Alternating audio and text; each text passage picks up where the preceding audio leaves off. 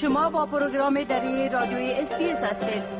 گزارشات عالی را در sbs.com.au دری پیدا کنید.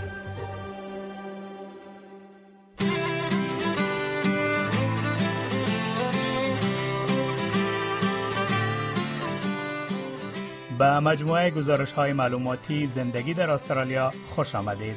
من مجیب منیب هستم. این گزارش ها به شما کمک می کند تا در استرالیا به خوبی ساکن شوید و احساس بودن در خانه خود را بکنید. پیدا کردن کار بخش مهمی در زندگی افراد شمرده می شود که تازه وارد استرالیا می شوند. کارگران مهاجر در استرالیا از همان حقوق برخوردارند که دیگر آسترالیایی ها از آن برخوردار هستند. در این گزارش چگونگی دریافت کار و حقوق کارگران در محل کار را به بحث گرفته ایم. داشتن ویزه استرالیا به معنای داشتن حق کار در این کشور نیست. به همین دلیل نیاز است تا قبل از آغاز کار در استرالیا شرایط ویزه خود را ببینید. دکتر نظیر داور وکیل مدافع افغان مقیم سیدنی می گوید افرادی که تازه وارد استرالیا می شوند باید دیده شود که چی نوع ویزا دارند و اگر حق کار در این کشور را ندارند می توانند برای دریافت حق کار درخواست کنند تا حق کار برایشان داده شود. باید دیده شود چی نوع ویزا دارند اگر در ویزهشان کندیشن یا شرط شرط 8101 یعنی 8101 شرط در او گذاشته شده باشه دیگه در اون صورت او شخص حق کار نداره. ولی که اگه او نباشه باز حق کار داره.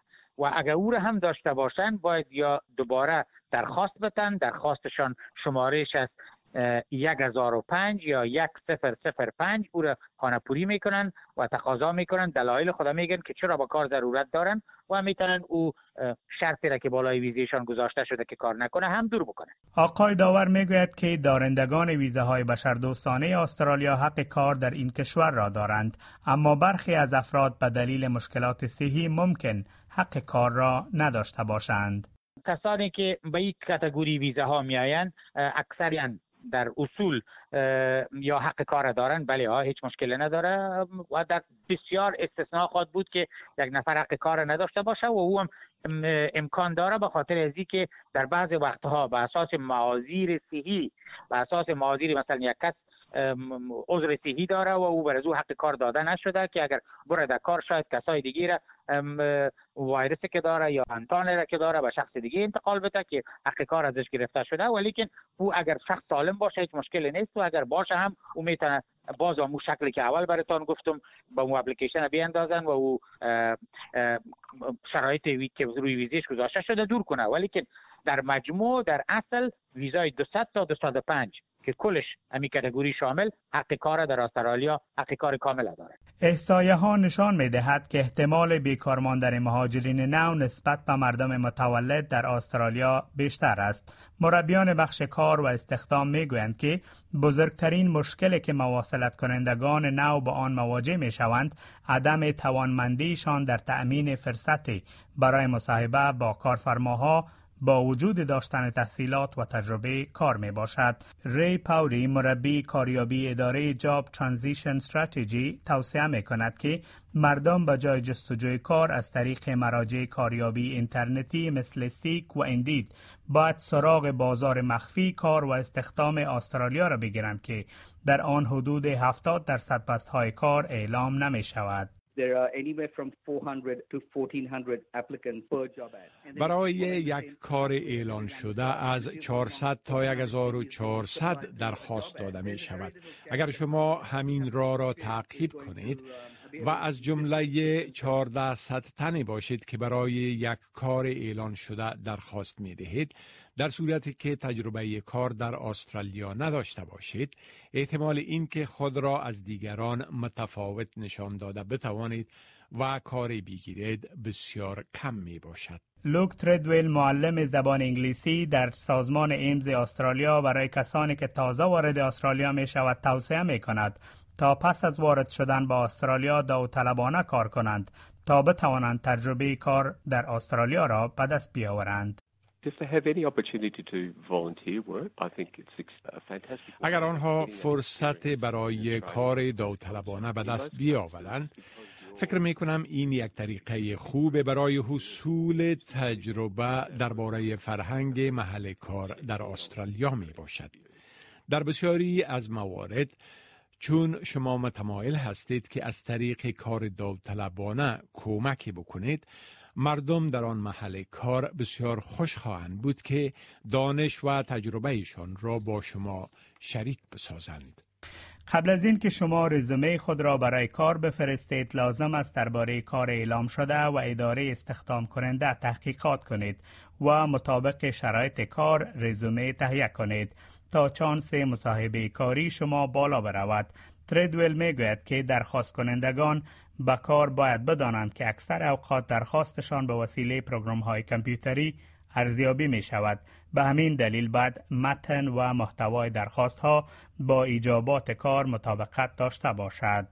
کسانی که واجد شرایط برنامه آموزش زبان انگلیسی برای مهاجرین بزرگسال یا AMEP هستند آنها همچنان می توانند شامل برنامه دیگر به نام Pathways to Work شوند. این برنامه یک فرصت است برای کسانی که تازه وارد استرالیا شدند تا تجربه کاری محلی در استرالیا را به دست بیاورند. فرزانه فرزانه یکی از مدیران آموزشگاه ناویتاس در شهر سیدنی می گوید که برنامه Pathways to Work برای کسانی که شامل برنامه AMP هستند آموزش بیشتر می دهد تا آنها آماده کار و زندگی در استرالیا شوند.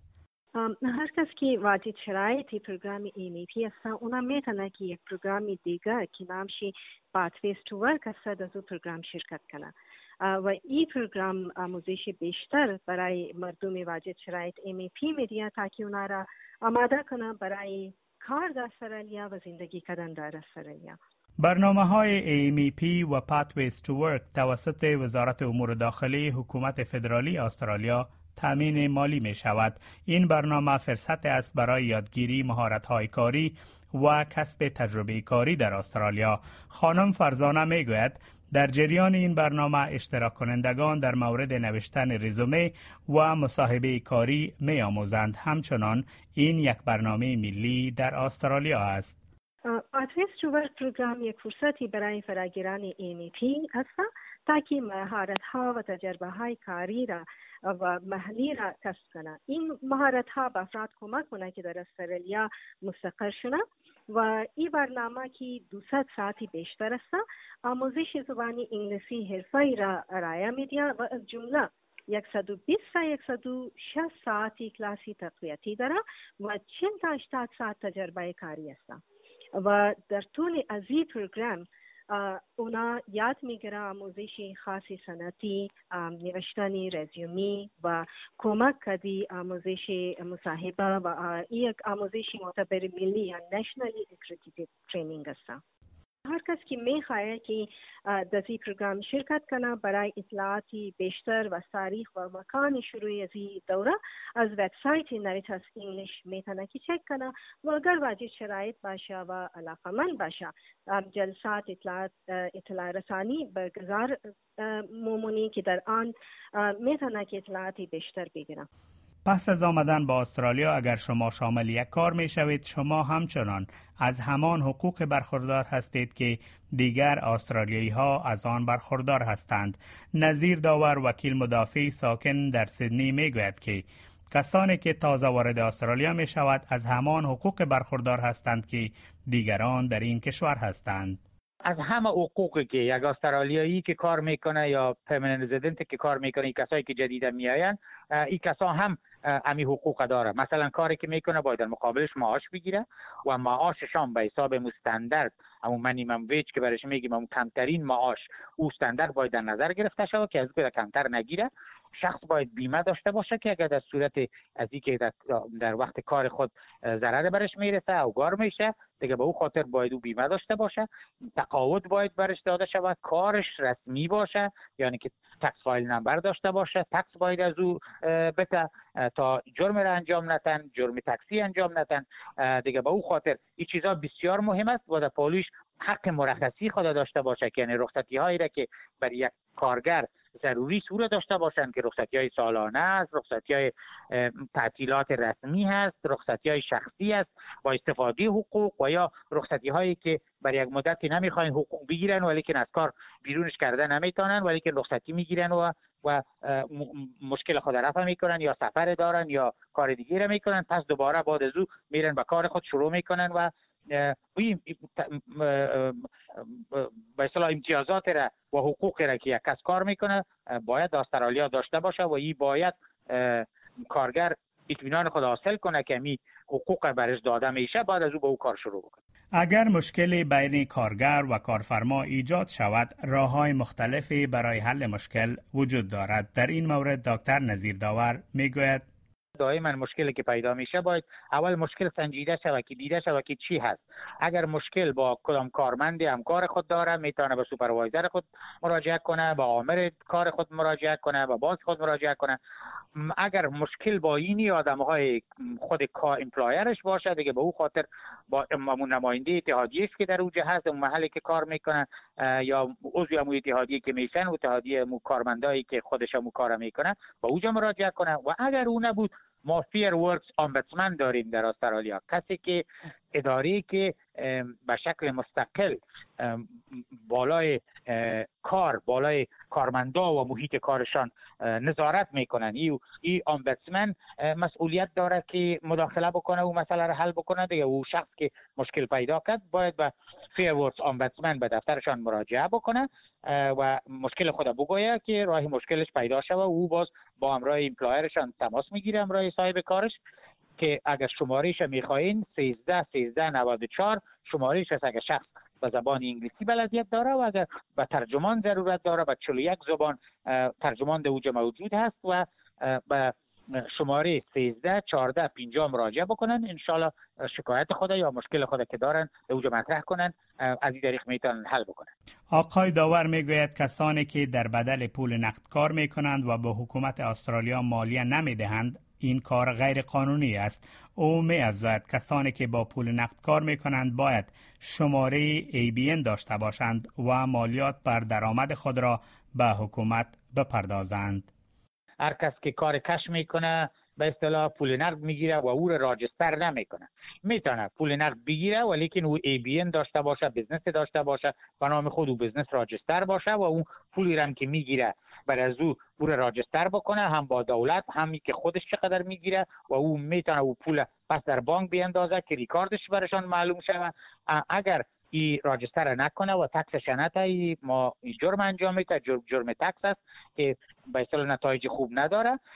و باید ای کار بکنه. و وقتی که کار هم اگر بزنس خود راجستر می‌کنه ای بی باید داشته باشه یا ای سی باید داشته باشه که در این صورتش همو کار خود بیمه بکنن که بدون بیمه فردا در کار خود اگر ضرر برشان رسید باز میمانن.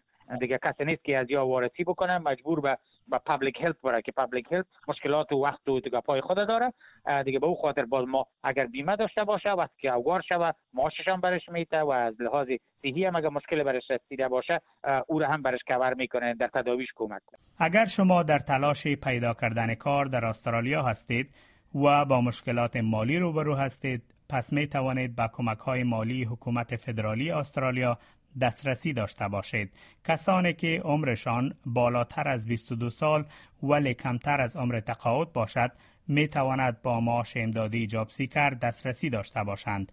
قبل از 20 مارچ سال 2020 کمک مالی حکومت به افراد بیکار به نام Newstart Allowance داده می شد که حالا به نام JobSeeker یاد می شود. معلومات بیشتر در این مورد را می توانید از وبسایت اداره سنترلینک به دست آورید. از شما برای شنیدن این گزارش تشکر می کنم. برای گزارش های بیشتر از صفحه sbs.com.au dari life in Australia دیدن کنید.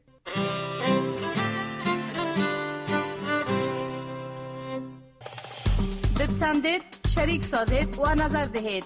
اسپیس دری را در فیسبوک تعقیب کنید.